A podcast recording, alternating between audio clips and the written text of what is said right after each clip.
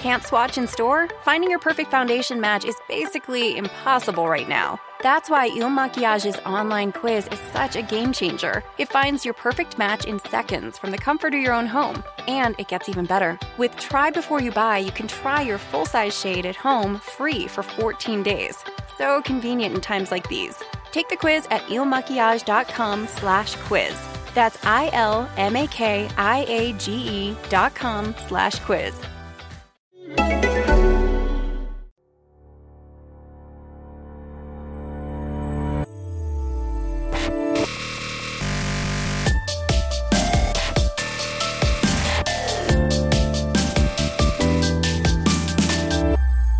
Hej och välkommen till ett nytt avsnitt av Bloggbusiness. En podcast från Better bloggers. Jag heter Linda Hörnfeldt och är grundare av Better bloggers. Och till vardags så bloggar jag på lalinda.se. Idag så ska ni få träffa en eh, lite annorlunda gäst. Lisa Bjärbo är författare och bloggar på Onekligen hon är en av de här personerna som faktiskt blev upptäckt via sin blogg.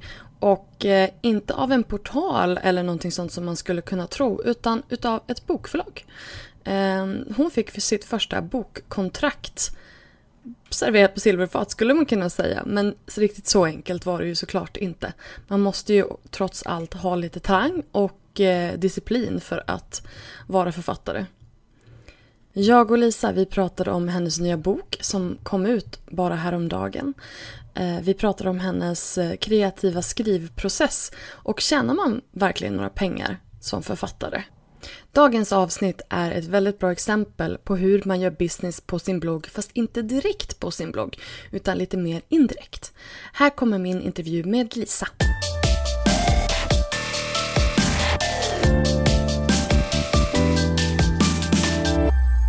Hej Lisa, välkommen till bloggbusiness. Tack så jättemycket.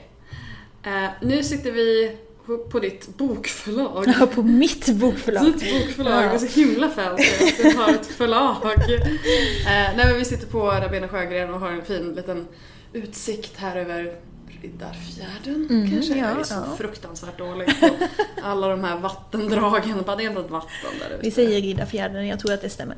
Ja men vad bra, vad ja. bra. Då kan vi låtsas att jag har koll. Det känns bra. Um, och du har kommit precis, eller är på väg och ska komma ut med din tjugonde bok. Ja. Hur gammal är du? 120? Ja. Alltså hur, hur, hur i hela friden har du hunnit skriva 20 böcker? Jag vet inte. Jag tycker själv att det är Jag var tvungen att så kontrollräkna åtta gånger när jag satt hemma och undrar hur många böcker det har blivit nu. Och så räknade jag så bara 20. Det är ju helt jävla otroligt att det har blivit 20 stycken. Ja, för du ligger hemma som jag. Ja. 35. Mm. Och jag har inte skrivit någon. till att börja med. Jag har kämpat på typ så här, jag har börjat ungefär 20 gånger. Ja. Men inte riktigt kommit vidare i det hela. Um, men du är ju liksom en sån här rare gem i bloggosfären. Eh, din, din typ av blogg är väldigt speciell.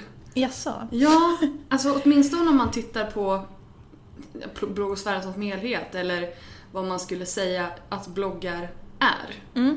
Kan du inte berätta lite grann om din bloggresa? Jo, eh, jag började blogga för eh, nio år sedan tror jag det är nu. Eh, och då hade jag läst lite bloggar ett tag och tyckte att det verkade vara skitkul att få skriva skriva av sig på nätet typ. Och då läste jag så här, just vardagsbloggar som mest hade text och som var så personliga betraktelser över vardagsgrejer som de här personerna gjorde. Det fanns en kille som heter Silverfisken till exempel som var min bästa bloggare som jag så följde slaviskt. Och jag tyckte så här, jag har ju missat det här tåget, att det här verkar ju coolt att blogga. Men alla de fräcka personerna har ju redan börjat med det så att nu är jag bara en 2006. sån här... Ja, precis. Nu, nu är det för sent. Och så gick jag omkring och tänkte så ett tag. Tills jag bara, men fast vad fan, jag kan väl också testa det här. Ja, jag vill också vara med i den här lilla klicken.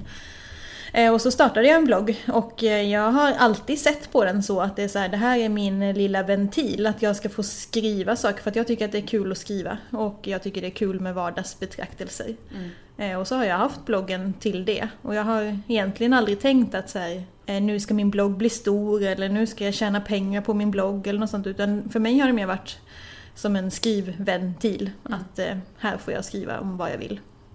Men är, vad, vad, är du, liksom, vad, vart börjar det? Är du författare först och sen bloggare eller bloggare först och sen författare? Vad, vad, var, var kommer du ifrån? Vad är liksom din... Eh, ja men kanske inget av det. Eh, egentligen är jag utbildad till journalist och tänkte nog att när jag startade bloggen så var jag journalist först och bloggare som en liten eh, hobby vid sidan om. Mm. Och sen har jag glidit över från att vara journalist till att bli författare. Eh, och nu tänker jag mig nog att jag i första hand är författare och att bloggen fortfarande är ett fritidsintresse.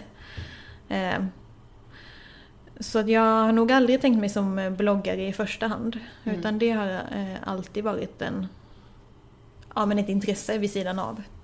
För det första så, så är ju, i och med att du, din blogg består till 100%, 99% av text mm. så är ju det din, eh, självklart ditt, ditt hantverk. Mm. Eh, och den måste ju ha varit behjälplig när det gäller att du kom till ditt bokskrivande Absolut. och sådär? Eller tar de ut varandra? Är de, är nej, de nej, nej, nej, nej, de är jättebra för varandra tror jag. Eh, från början så när jag började blogga så hade jag inte skrivit någon bok. Eh, I alla fall ingen skön, skönlitterär bok. Det var det som var min dröm sen när jag var liten och tänkte att jag vill bli författare när jag blir stor. Då var det ju de här skönlitterära berättelserna som jag ville skriva. Eh, och det hade jag inte gjort när jag började blogga. Och jag tror att jag faktiskt fick mitt första skönlitterära bokkontrakt tack vare bloggen. Eller jag vet att det var tack vare bloggen. Eh, för att då, ja men då satt jag, precis som du sa att du hade påbörjat en bok 20 gånger, så hade jag så ett litet projekt hemma som jag sa, åh det här skulle jag vilja att det blev en ungdomsbok av det här. Eh, och utan att ha sagt det till någon egentligen så blev jag kontaktad av en förläggare här på Rabén och Sjögren som hade läst bloggen.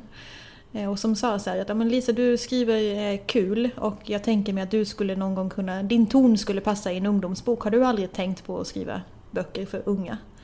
Och jag typ trillade baklänges på stolen för att jag blev så sjukt smickrad och glad av det här mejlet.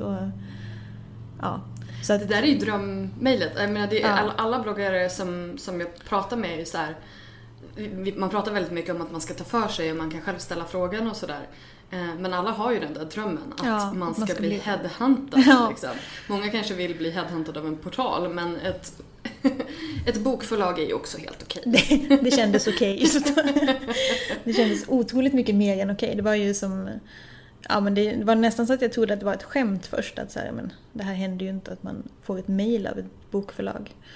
Eh, sen var det ju inte så att jag blev utgiven bara där, för det var ju, jag var ju tvungen att ändå skriva boken och den var ändå tvungen att vara bra och så. Men den där första kontakten var ju helt ovärderlig. Eh, och det var ju tack vare bloggen. Och det är ju ofta den som är den svåraste. Ja. Att faktiskt få in en fot och få någon att läsa ja, det där utkastet. Liksom. Sen får man ju, sen är det självklart att man måste vara eh, duktig. Ja. Men det finns ju väldigt många som är duktiga där ute som inte Nej, får in den chansen. Liksom. Men det har ju varit så, jag tjatar om det hela tiden också, för ibland så får jag frågan så här, vad är ditt bästa tips om man vill skriva en bok och inte riktigt vet hur man ska börja? Då tjatar jag nästan alltid om bloggen som, en, som ett bra, eh, vad man nu ska kalla det, skyltfönster. Om man är en skrivande person som vill eh, jobba med att skriva så är det ju skitbra att ha en blogg och kunna visa upp hur man är när man skriver, vad man har för språk och ton och mm. eh, hur man uttrycker sig och så. Har din blogg sett eh, likadan ut ända från början? Eh, ja men nästan. Det har varit, alltid varit väldigt mycket text. Det händer att jag får små ryck och ibland blandar upp det med foton för jag älskar att fota också. Eh, men mest är det text mm. och det har alltid varit fokus på vardag. Med allt vad det innebär. Nu handlar det ju ganska mycket om böcker eftersom böcker är en del av min vardag. Men det kan också lika väl handla om barn eller hus eller vad, vad som en skala potatis eller vad som, vad som helst. Och du, är du är en sån där person som lyckas göra i stort sett allting lite roligt. Ja, det är ju snällt att du säger så. Tack. Nej men jag tycker det. Jag tycker det. Alltså, och det här får jag ju också så här. många säger till mig att eh, åtminstone vänner eller jag säger ja men du så, du borde börja blogga liksom. De bara, nej men alltså jag har ju så tråkigt liv och jag har ju ingenting att skriva om och mm. så här. Och, och alla har ju någonting att skriva om. Man måste ju bara liksom, man måste ju bara vinkla hur man skriver. Man måste bara hitta ja. en ton. Ja. Och det har ju du verkligen gjort. Ja, men jag blir jätteglad när du säger det. Det är ju liksom en, en konst att just att skriva om vardag, som också är det som jag helst gör när jag skriver böcker sen. Eh, det är ju skitsvårt för att hur kul är det att skala potatis eller bråka med sina barn om gummistövlar i hallen eller eh, gå till jobbet eller åka pendeltåg eller vad det nu kan vara. Utan det handlar ju bara om så här, hur ska jag beskriva det här för att det ändå ska bli läsvärt. Och då behöver det kanske inte nödvändigtvis vara kul så att någon så skrattar så de ramlar av stolen men det måste ju ändå finnas något i hur man skriver det som gör att det blir intressant att läsa. Och jag tycker att det är så himla härligt att du på något sätt så använder ja, men lite bitterhet och lite cynism och lite så här, ja men alltså att, äh, du vet, du kan, du kan gnälla lite grann fast mm. det blir ju roligt. Mm. Och det tror jag är så här, jag tycker att det är den roligaste sortens humor. När man bara så här, jävla helvete, fan, du vet. Och bara så här bitcha loss på någonting men gör det med glimten i ögat. Mm. Jo men det är ju svårt att vara rolig. Eh, det är ju också en, verkligen en, en, en konstform liksom. Och jag är inte alls alltid rolig. Men jag tror ganska mycket på att man måste bjuda lite på sig själv. Eh, och i mitt fall så kanske det ibland i alla fall handlar om att jag gör mig lite rolig på min egen bekostnad. Eller att jag ja, bjuder på att uh, alla dagar är inte härliga utan det finns också de här dagarna och då kan allt gå åt helvete. Eller vad det nu kan vara. Hur mycket läsare har du på din blogg? Ja men det är ganska, det varierar ganska mycket eh, beroende på hur flitig jag är med att blogga eller hur, hur kul jag själv tycker att det är också har jag märkt att det går... Men det tycker jag är kul att, att, man, att man kan påverka det själv. Ja, det är jätteskönt.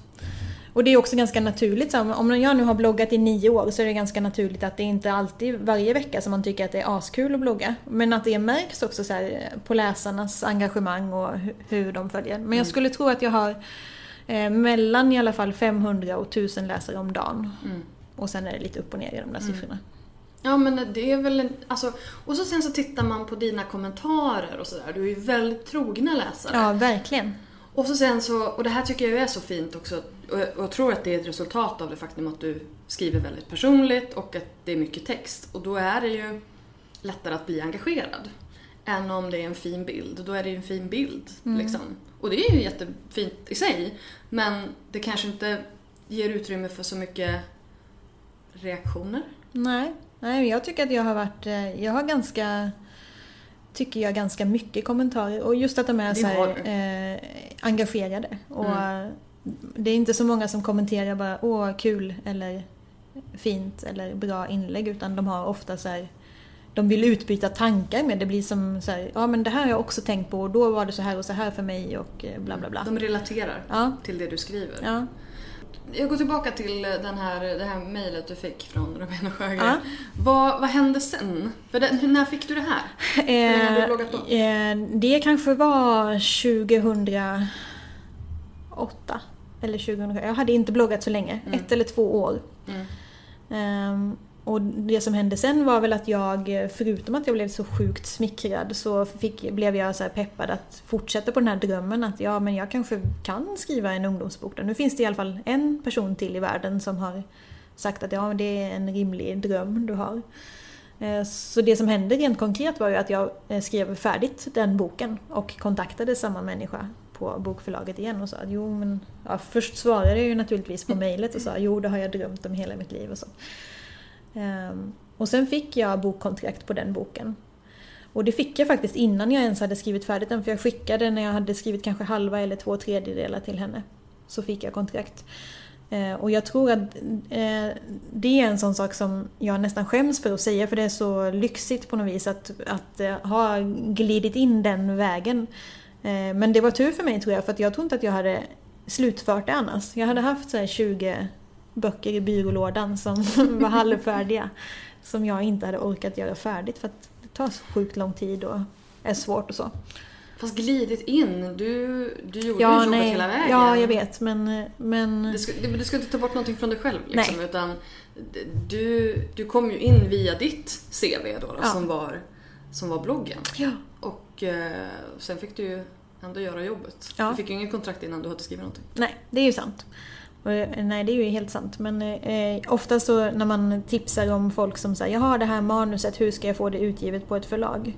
Då är det ju en ganska eh, lång och jättesvår process att gå igenom för att det är jättemånga som vill bli utgivna på förlag och inte så jättemånga böcker som ges ut mm. av debutanter varje år. Mm. Så på så vis så tycker jag liksom att jag hade en, så här, en, en enkel väg. Men det är ju klart att det var ju en enkel väg för att jag hade skrivit den här bloggen och så. Precis, då får man väl ge i tips då, skriv en blogg. Ja, precis. Det är mitt bästa tips. Nej men alltså, jag pratade med Emma Sund här tidigare idag. Mm. Och eh, vi pratade om vilket CV en blogg egentligen är. Ja.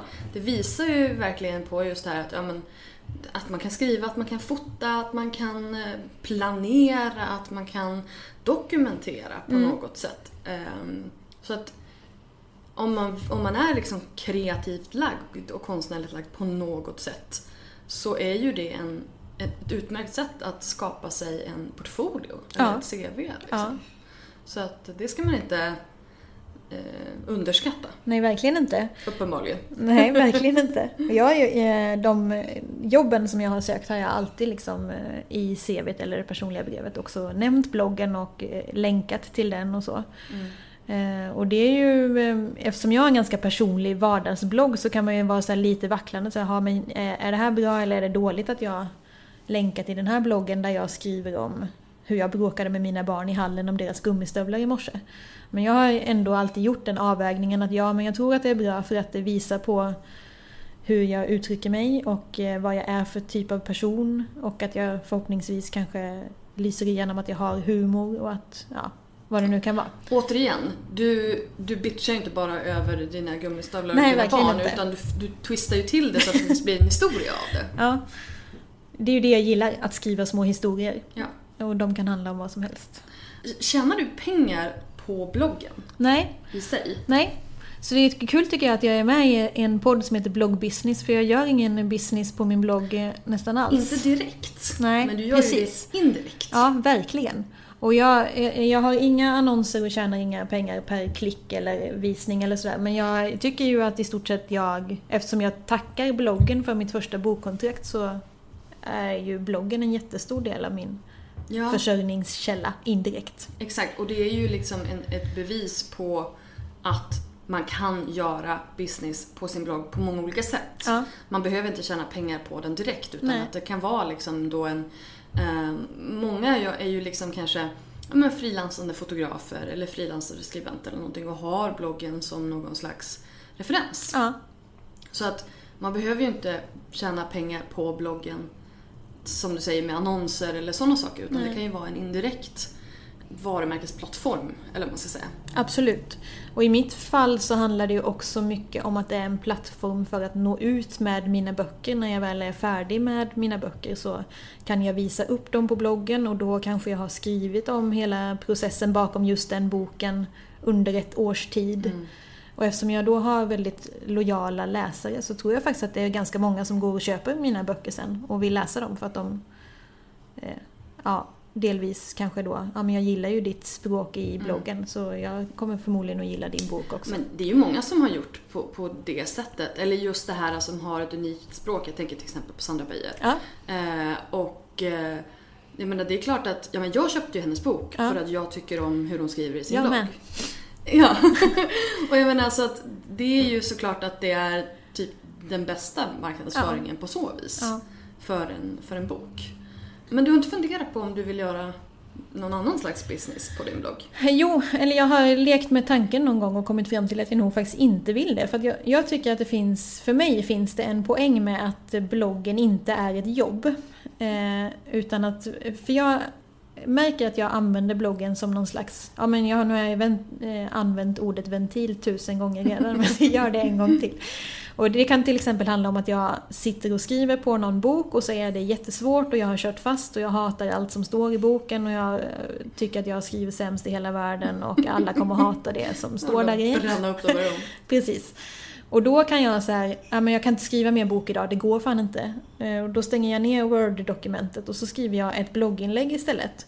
Och jag har liksom aldrig haft någon speciell prestationsångest när det gäller bloggen utan det är bara som att jag skriver där lätt och jag har aldrig någon Eh, jag sitter inte i hundra timmar och funderar på hur, hur jag ska formulera mig och så, utan det går eh, ganska ångestfritt att skriva blogginlägg. Och rätt så ofta så är det så att jag kommer igång med bokskrivande. Efter jag har skrivit det där blogginlägget så bara, jaha men, nej, men det här var ju ändå kul, då kan jag mm. gå tillbaka till boken och, och komma loss med den igen. Eh, och det är värt så himla mycket för mig att det får vara så. Så därför så har jag försökt att hålla bloggen fri från prestationsångest och Mm. krav och jobb så mycket det går. Och jag tror att jag, om jag hade liksom eh, eh, lyckats hamna på någon stor portal eller eh, tjänat pengar per besökare på bloggen eller så, så tror jag att jag skulle ha lättare att hamna i så här: åh nej nu måste jag skriva ett nytt inlägg idag. Åh det måste vara jättebra och nu ska jag eh, få jättemånga besökare på den här rubriken och så. Mm. Att eh, för mig hade det blivit svårare att hålla bloggen bara lustfylld och kul Mm. om, om jag hade gjort mer business på den än vad jag gör. Jag, jag förstår dig, men samtidigt blir jag så här. "Ja, fast alltså, du, hade ju bara kunnat köra på som du gör, för Ja. du gör det ju så bra liksom. Men jag förstår vad du menar. Jag förstår vad du menar. Jag ska hålla mina åsikter till mig själv. Du får gärna säga din åsikt. Jag tror att jag också är tjurig liksom för att jag vill att bloggen ska vara min. Så att eh, om jag får, jag får det händer ju att jag får så här förslag från olika företag som vill att vi ska samarbeta eller Mm. kan du skriva om den här ansiktskrämen så får du den av oss. Och jag Nej. säger alltid nej. Nej. Eh, För det första så är det ett skitdåligt förslag. Ja. För att jag menar, ansikt, ja visst, visst ansiktskräm men, men för det första så ska du ju aldrig skriva om någonting mot bara en produkt. Nej. Step one liksom. Och så sen kanske man ska hitta någonting som är lite mer Ja men precis. relevant. Men även om det skulle vara någonting som kändes jätterelevant så tror jag att jag skulle säga nej i, i ja, inte in till dödens dagar men jag, alltså jag är ganska så här, jag har bestämt mig för det en gång för flera år sedan att jag vill... Jag bara ja, ja, ja. ja. Gör du det? jag menar inte att du försöker övertala mig till någonting. Jag bara tagga ner. Tagga ner! För guds skull! Ehm, Men det är ganska skönt för sig själv att alltså en gång ha tänkt över så här, vill jag detta eller vill jag det inte och kommit fram till att nej men jag behöver, jag, eh, jag kan säga nej till Mm. alla samarbeten för att det är inte det jag vill ha bloggen till. Och det, och det är ganska skönt att man har, slipper så här, eh, varje gång det kommer Mm. ett blogg, en, ett mail om kan du göra detta eller detta. Så bara, nej. Ja, men du har tagit ett beslut. Ja, Och det är ju det jag säger också till, till medlemmarna i, i Better bloggers att det första du behöver göra det är ju att bestämma dig. Vill du ha bloggen som ett jobb eller vill du ha den som en hobby? ja, Och sen liksom ta fram din strategi eller vad det nu är för någonting eh, ut efter det. För att om du bara vill ha den som en hobby, ja men då behöver du inte känna den här pressen att du ska skriva varje dag eller att du ska, du vet, utan och då behöver du inte oroa dig för, men ska man ta betalt eller hur ska man, utan då är det ju bara att använda det som du säger som din ventil och bara köra på. Men vill du, vill du ha den som ett jobb, vill du tjäna pengar på den, ja men då kanske du måste ha en lite annan strategi, ett annat till, tillvägagångssätt.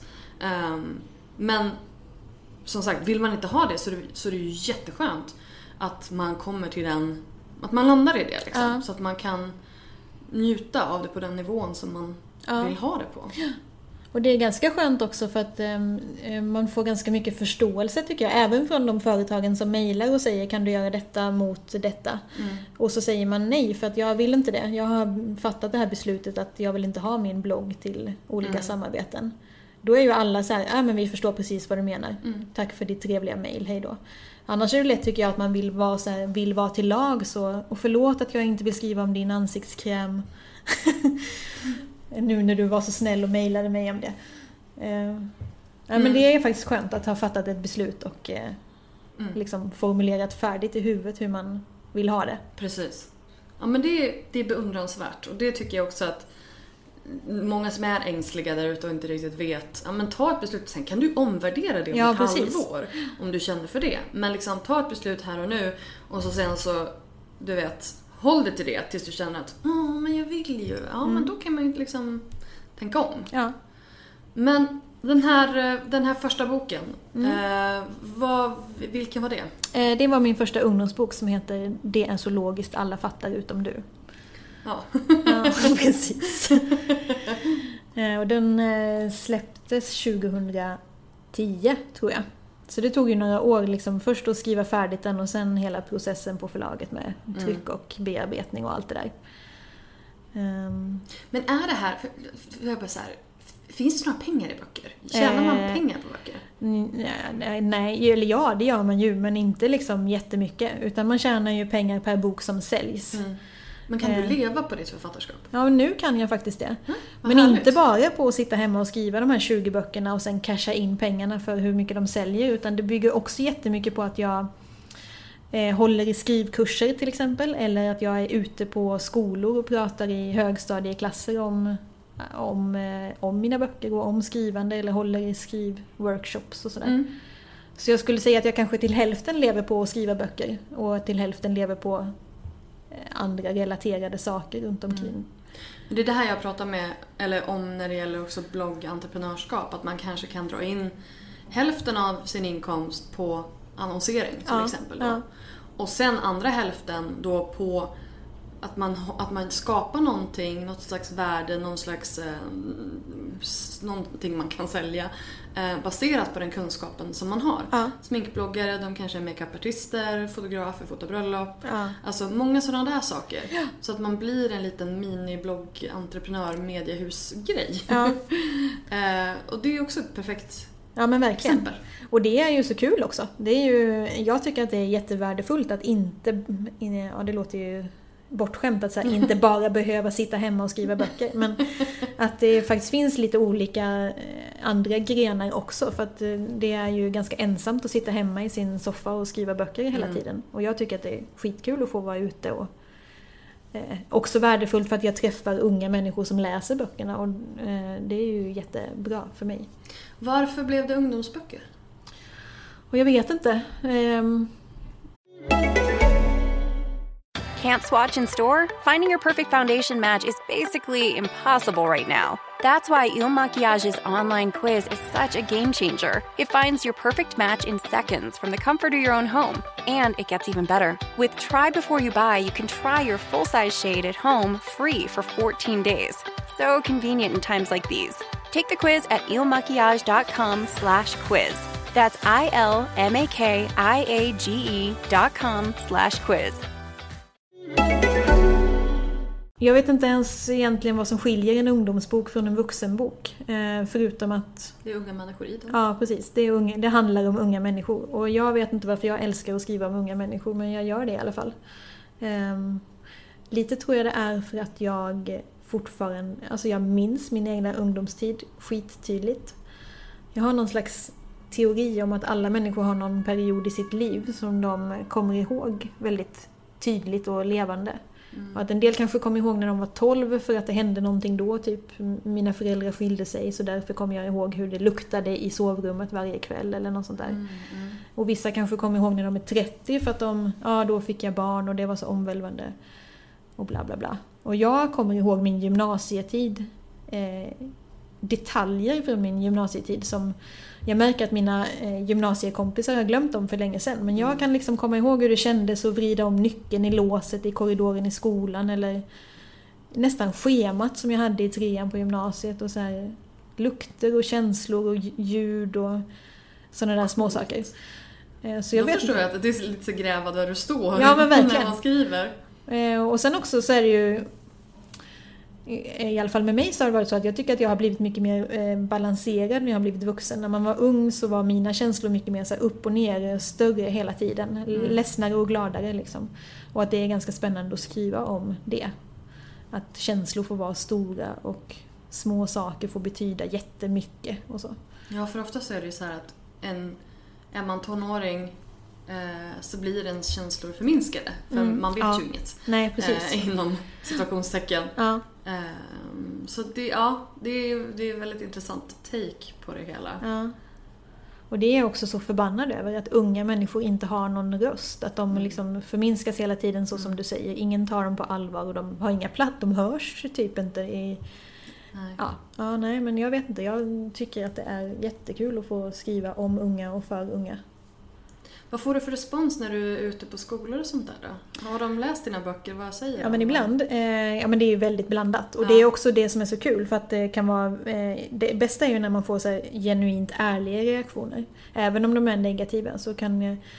Eh, det är jättekul när någon kommer fram efteråt och säger så här, ja vi blev tvingade att läsa din bok hela klassen och jag höll på att dö av tristess första 50 sidorna men sen var den ju ändå helt okej. Då kan jag säga bli, Thanks for the "Ah, feedback. Tack så mycket. Nej, men det är bl- blandat. Um, oftast så finns det någon i klassen som har läst och som tycker jättemycket om dem, som inte vågar säga kanske någonting under hela lektionen när jag står där framme och pratar, men som kommer fram efteråt och eller som kanske mejlar efteråt och säger jag vågar inte säga det här när du var i min klass men jag tycker detta och detta. Eh, ja, det är jätte, jättefint. Och sen finns det ju vissa som är så här, åh läsa böcker är det sämsta som finns, jag hatar böcker, så jävla jobbigt, varför ska vi lyssna på dig i en hel lektion och så. Oj, vilka issues de har. På någon helt annan nivå. Fast, fast det är också kul på ett sätt. Alltså det är ju en utmaning i att så här, stå i en åttonde klass och eh, där åttonde klassen egentligen tycker att böcker är sjukt en, en tråkig form av, eh, Det är så ocoolt. ja otroligt ocoolt att vara författare och skriva böcker. Och det är ju ganska, Så bakåtsträvande. ja verkligen. Gud vad retro. Ja, ja nej men... Men vad pratar du om då? Ehm, eh, ja, men det är lite olika. Men antingen så pratar jag om, eh, liksom hur, hur, om yrket författare. Så, så gick det till när jag blev författare. Det här ville jag bli när jag var liten och sen så den här utbildningen har jag gått och så här funkar det i min vardag. Så här mycket pengar tjänar man på att skriva böcker. Alltså verkligen så här konkret. Mm. Som ett syo-besök nästan. Så här. Ja. Är det någon här inne som tänker på att de vill bli författare så funkar det så här. Ja. Eh, eller så pratar jag mer om eh, eh, ja, men själva den kreativa processen. Att vi kanske gör skrivövningar tillsammans och jag berättar så här, så här gör jag när jag hittar på en person till en bok och nu ska ni få göra samma. Och Oh, jag vill gå och skriva det är skitkul! Ja! Plus att alla de här som säger innan så bara gud jag hatar böcker, det är skitjobbigt att skriva. De tycker också att det är jättekul sen när man väl sätter igång. Och det, Du skriver i Word alltså? mm, det gör jag faktiskt. Mm. För det finns ju typ 78 000 sådana Ja. här appar som har Ja. kommit. Jag har laddat ner någon som en sån här tågdudunk i bakgrunden. Oj! Ja, jag börjar bli störd på det nu faktiskt. Ja men det finns ju ganska många olika program. Det finns ett som heter Scrivener som väldigt många författare använder sig av där man tydligt kan få struktur på sina olika kapitel och sådär. Eh, Men jag, jag tror att jag är ganska så här, eh, inte vet jag, gammalmodig jag, jag skriver till exempel alltid en bok från början till slut. Jag hoppar inte mellan olika scener eller olika kapitel. Oj. Så jag behöver... Fastnar man inte då? Jo, Det är då man bloggar istället. ja precis. Man fastnar hela tiden. Det är då man går ut och går i skogen och lyssnar på musik. Eller, Mm. eller bloggar eller Okej. eh, dunka Det är huvudet därför det tar så lång tid. Ja, det tar skitlång tid. Ja, verkligen. Men har du ändå så här, det här är vad som ska hända? Eller alltså har du liksom stolpar? Ja. Eh, eh, För varje bok jag skriver så blir jag mer och mer strukturerad innan jag skriver den. Eh, Så nu har jag oftast tänkt ut så här, det här är personen som det ska handla om. Kanske att jag till och med har skrivit en liten faktaruta om den personen. Så här, den heter och så här gammal. Den här klädstilen, den här egenskaperna och så.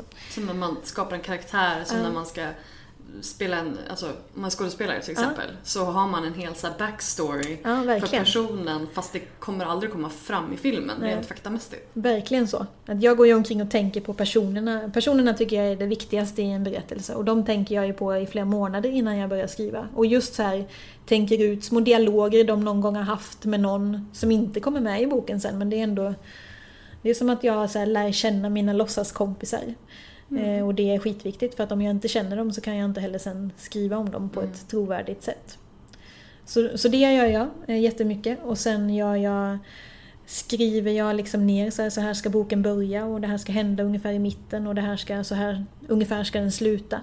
Och så kanske jag har eh, kommit på olika scener som jag tycker är viktiga att ha med och då listar jag dem så här. Ja, Halloweenfesten eller eh, matteprovet eller vad det nu kan vara. Mm. Så att jag vet att så här, de här har jag tänkt ut och de ska med. Så jag har en, har en ganska tydlig bild innan jag sätter mig ner och börjar skriva vart boken ska ta vägen. Mm. Men sen skriver du från början till slut. Ja, sen skriver jag från början till slut. Jag har så här, jättemånga så anteckningar i, i mobilen där jag har scener Ja, som jag ska, och som jag absolut inte hör ihop. Men jag är så här, kan vi bara sätta ihop de här så skulle det kanske bli någonting Ja. jätterörigt. Men, men... Eller inte, men det är ju jättemånga som gör så också. Ja. Och det är det som är det coola med att skriva, att det finns liksom inget facit för hur man ska göra. Mm. Och jag tröttnar aldrig själv på att ställa den frågan till någon annan som håller på med att skriva böcker eller berättelser. Så här, hur gör du? Hur kommer du på först? Eller hur mycket planerar du innan? Mm. Jag kan prata om det varje timme på dygnet i hur länge som helst. För jag tycker det är så sjukt intressant att alla gör på olika sätt också. Ja.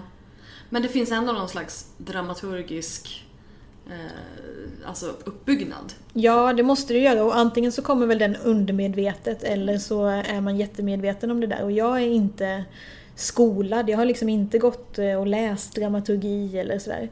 Men man skolar ju sig själv genom att läsa en massa böcker eller se en massa film eller lyssna på en massa sagor. Så till slut så fattar man ju i ryggmärgen så att eh, ja, det måste bli lite mer spännande. eh, Ja, det måste Mm. stegras eller det måste man kanske tycker att, ehm, ja, jag är till exempel väldigt inte så förtjust i böcker som har en väldigt lång startsträcka. Typ fantasyböcker där de går genom en skog i 50 sidor och bara så man får veta saker om miljön och Nej, världen och så. Nej. Nej. Då dör jag av tristess. Ja. Så jag har en ganska tydlig tanke när jag har skrivit att så här, det måste gå ganska snabbt innan man fattar vad boken handlar om och eh, får en känsla för Mm. personer och Så tycker jag att det är ganska skönt att själv måla upp lite grann hur det ser ut. Jag vill Ja. inte ha exakt liksom på millimetern hur saker och ting ser ut. För Nej. då sabbar det ju min fantasi och det är ju halva grejen med att läsa. Ja.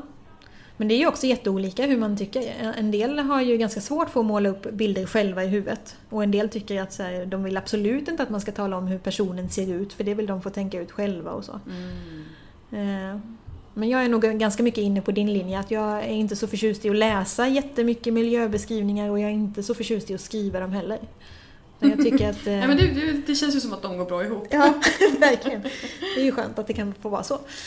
Men alltså, får jag fråga? Du sa att du sa det här till dem när du håller föreläsningar, så då tänker jag också fråga. Vad, man, vad tjänar man på att skriva en bok? Ja, det kan du verkligen få fråga. För Ja. det är en sån här konkret grej som ingen pratar om någonsin och det är ganska konstigt tycker jag. Men ehm, om pengar, jag vet inte. Jag har nej, fått, det vi har fått lära oss att vi inte ska prata om pengar. vilket jag också tycker är jättekonstigt, men ja, ja. Vad bra. eh, men det funkar så här att man eh, får en viss procentsats eh, i royalty. Och det kanske är så här 20% kan vi säga av försäljningspriset på boken. Så att det priset som bokförlaget säljer boken till en, en bokhandel för. I, I en ungdomsboks fall så kanske det är så här 80 spänn. Mm. Då tjänar jag 20% av de 80 spännen. Mm. Och om man då har skrivit boken ihop med någon annan så får man ju hälften av det. Och har man skrivit en bilderbok där någon har gjort bilderna så får man också hälften. Eh, Men jag brukar, Så tänka, snart är vi nere i noll. jag brukar tänka att jag tjänar typ 14, 15, 16 kronor per, per bok som säljs. Mm. Såvida det inte är en pocketbok för då tjänar jag 4-5 kronor istället. Ja, okej. de här då? De som Ja är men de stor jag nog, pocket? ja, de tjänar jag nog 14, 15, 16 kanske. Okej, Mm. sweet. Ja, sweet. Och sen tjänar man också pengar när folk lånar ens böcker på biblioteket. Det Jaså? verkar vara en sån här eh, dold kunskap. Ja, verkligen. Det visste inte Ja, jag. näst, och 82, 84 öre tror jag det är. Så att varje gång någon lånar en bok så får man Så nästan en krona. skatte, skattesubventionerad Mm. prylgrej då? Ja, det Vem får du de pengarna av? Du måste ju få skattepengar. Staten typ. Ja, du får det. Ja, Coolt. Det, Det finns- visste inte jag. nej. Och det är ju jättefint för att det är ju, alltså bibliotek är ju världens bästa grej. Ja. Att det är så tillgängligt för alla och gratis att låna böcker och litteratur ska finnas för alla. Jag minns när jag var människor. liten, när jag frågade min mamma så här, vad skatt var för någonting. Mm. Eh, Då fick jag lära mig att det är därför vi har gratis bibliotek. Mm. Det är för att vi betalar skatt. Ja, Så det har alltid varit bland så här. annat det. Ja men det har alltid varit min, för jag var, jag- var väldigt mycket på biblioteket när jag var liten. Fram tills jag, nu är det jättelänge, köper jag böcker istället. Men liksom barn upp till, upp i tonåren så hängde jag väldigt mycket på bibliotek. Mm. Och, så att jag tror att det var liksom en lätt så här, grej att, att ta för henne. Att Mm.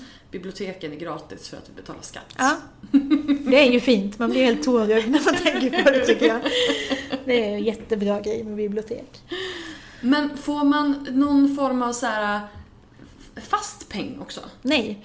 Jo, eh, nej, det får man ju inte. För man får någonting som heter eh, garantihonorar. Och det betyder att man... Va? Garanti vad? Honorar. honorar. Ja, på garantibetalning. Ja, precis. För egentligen är det ju så här, om du bara hade fått eh, 20% i royalty på alla böcker som säljs och du sen råkar skriva en bok som säljer i två exemplar. Då har du ju tjänat 32 kronor då. Och det är ju tråkigt om du har jobbat med boken i, i tre års då. Det är tid. jättedåligt tim, timlön. Super, superdåligt verkligen. Så därför så får man räkna förlaget ut så här, ja men då eh, bestämmer de hur stor upplaga de ska trycka av boken. Och då kanske de säger så här, vi trycker 5000 exemplar av din bok. Och då får man betalt för halva den upplagan. Så 2500 böcker får jag betalt direkt när jag lämnar in mitt manus. Och de behöver jag aldrig betala tillbaka sen oavsett om min, ja, oavsett om min bok säljer i två exemplar Mm. eller i tusen exemplar eller i 20 000 exemplar så behöver jag i alla fall aldrig tänka på att de där pengarna ska betalas tillbaka om jag Nej, inte lyckas sälja dem. Nej. Men alltså, okej. Alltså nu kommer jag in på så här marknadsundersökning och sånt där. Hur vet Ja. de hur många de ska trycka? Ja, nej det är jättesvårt. Ja. Eh, det, det det är ju erfarenhet såklart att så här, ja, men en, en ungdomsbok av en svensk författare om det här ämnet brukar sälja i ungefär så här många ex. Mm. Och sen är det ju känsla för timing och tid och, vem är den här författaren? Har, kan det, har den chans att nå ut större än Mm. någon annan? Eh, och om man till exempel är Sandra Beijer som har jättemånga läsare på sin blogg så gissar jag att man tänker på det när man trycker boken att hon har väldigt många bloggläsare som kommer att springa och köpa hennes bok nu. Så därför så tar vi i lite med den här första upplagan. Jag får lite dåligt samvete för att jag köpte hans pocket. Och, det är stora. Men det, och det är bara för att jag gillar pocketböcker. Ja. Jag tycker att de är skönare att hålla i, jag tycker de är finare i bokhyllan. Jag med. Verkligen. Ja, så, att, så jag blir glad att du känner mer för den här storpocketen Ja. som, som din nyaste bok eh, kommer i. Som vi ska prata om nu. Ja, vad kul. Vi har bara pratat i 40 minuter, det, det är lugnt. Du har alltså en bok som kommer ut den 19. 14 till och med. Så, 14? ja, det är väldigt snart nu. Jag älskar Snart. att det här, är min, det här är min absoluta, den här färgen som är både på servetten och på din bok är min absoluta Ja, favoritfärg. den är snygg. Den är sjukt snygg. Den heter Djupa ro. Mm. Berätta.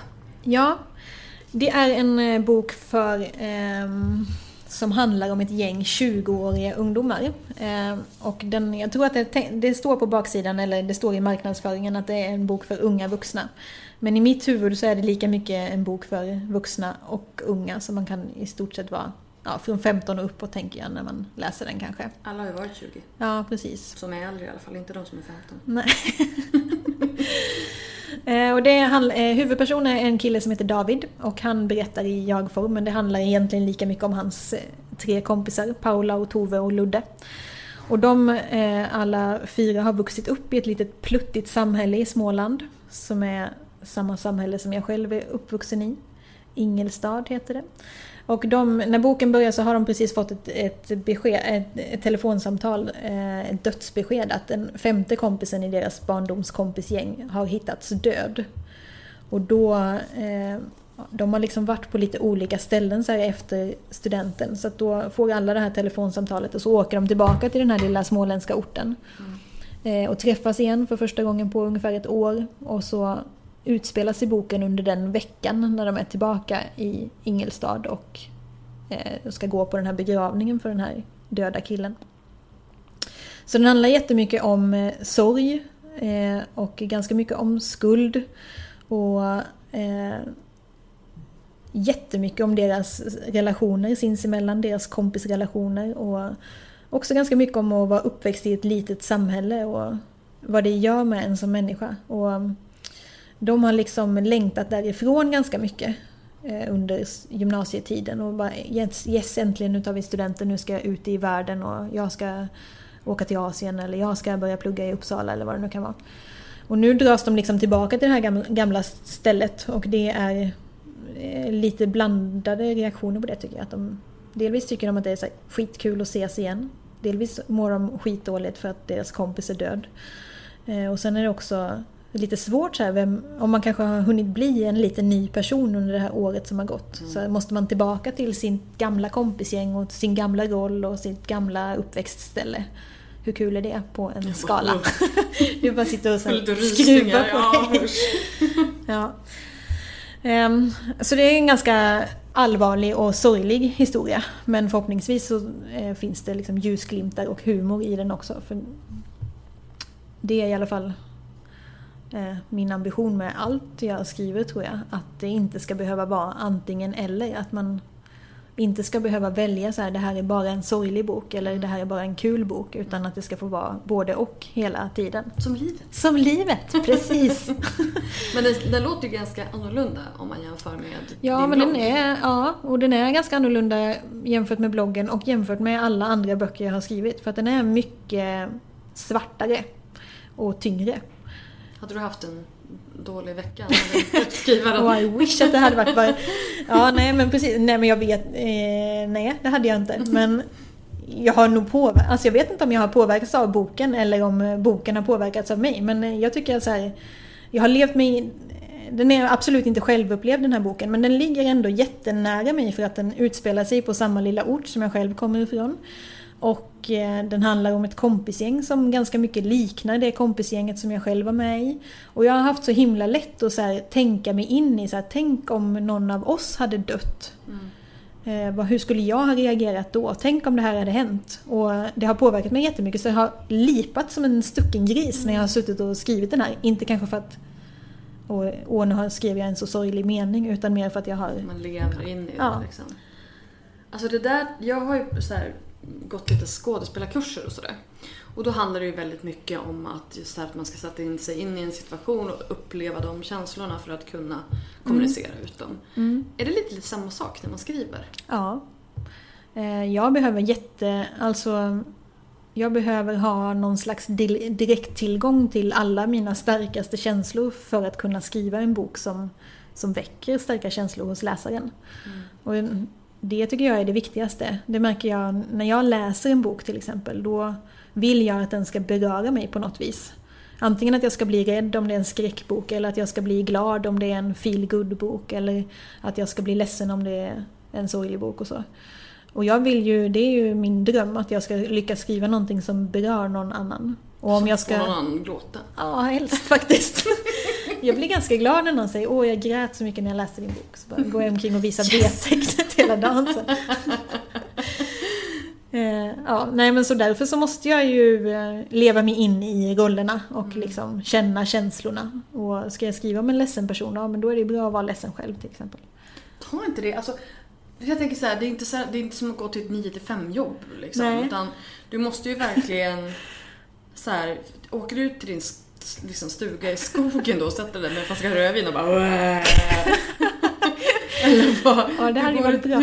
Ja, men alltså nästan så. Ja. Alltså det är jättekonstigt att eh, växla. För att nu har ju jag små barn till exempel och jag kan ju inte...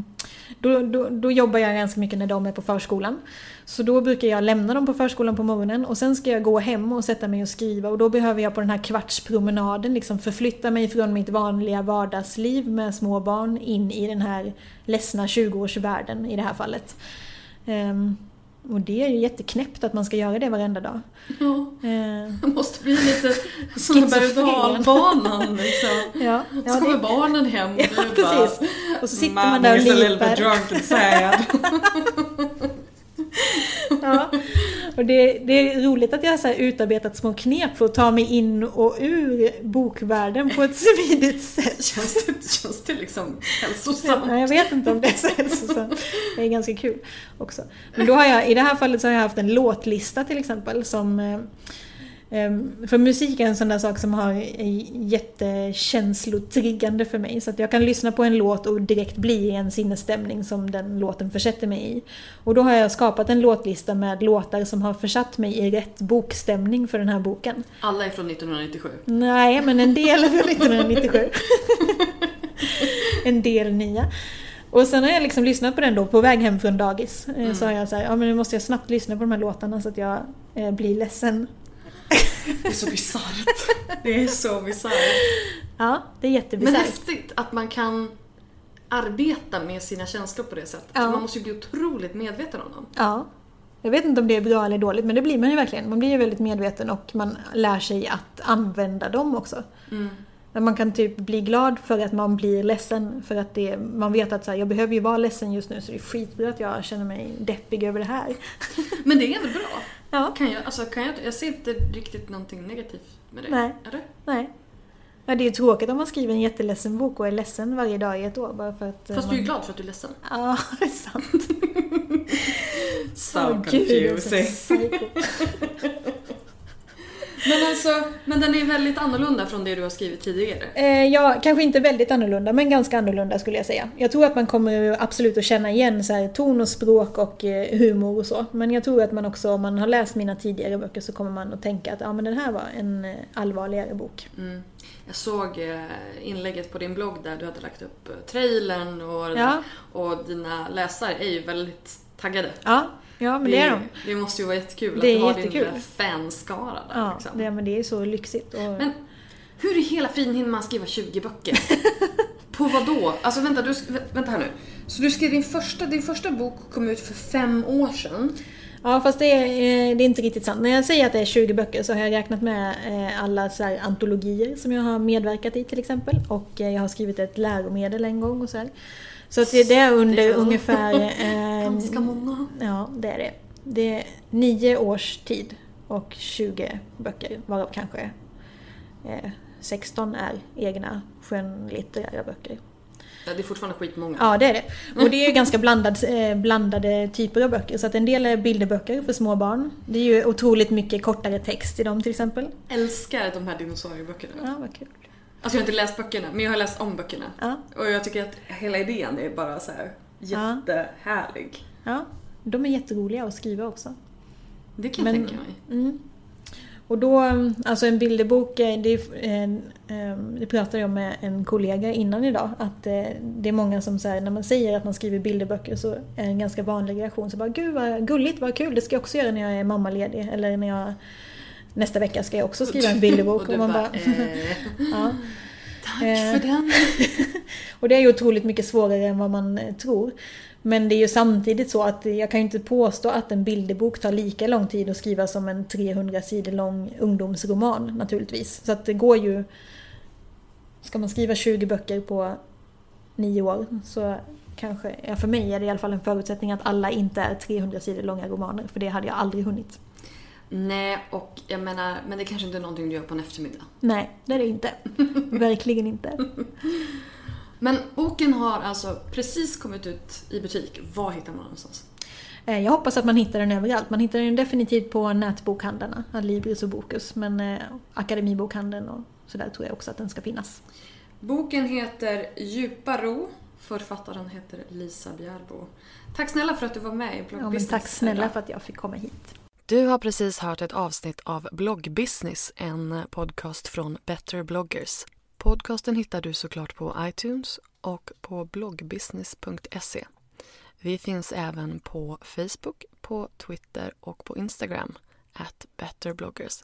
Lämna gärna en kommentar med vad du tyckte om intervjun eller kanske lämna ett önskemål om en framtida gäst. Tack för att du har lyssnat. Ha det bra. Hej då!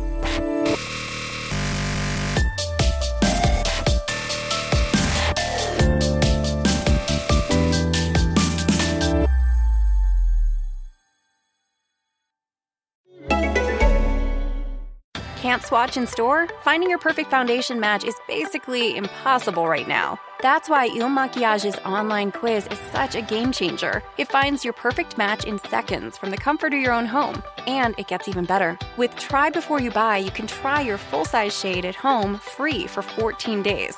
So convenient in times like these. Take the quiz at ilmakiage.com slash quiz. That's I L M A K I A G E dot com slash quiz.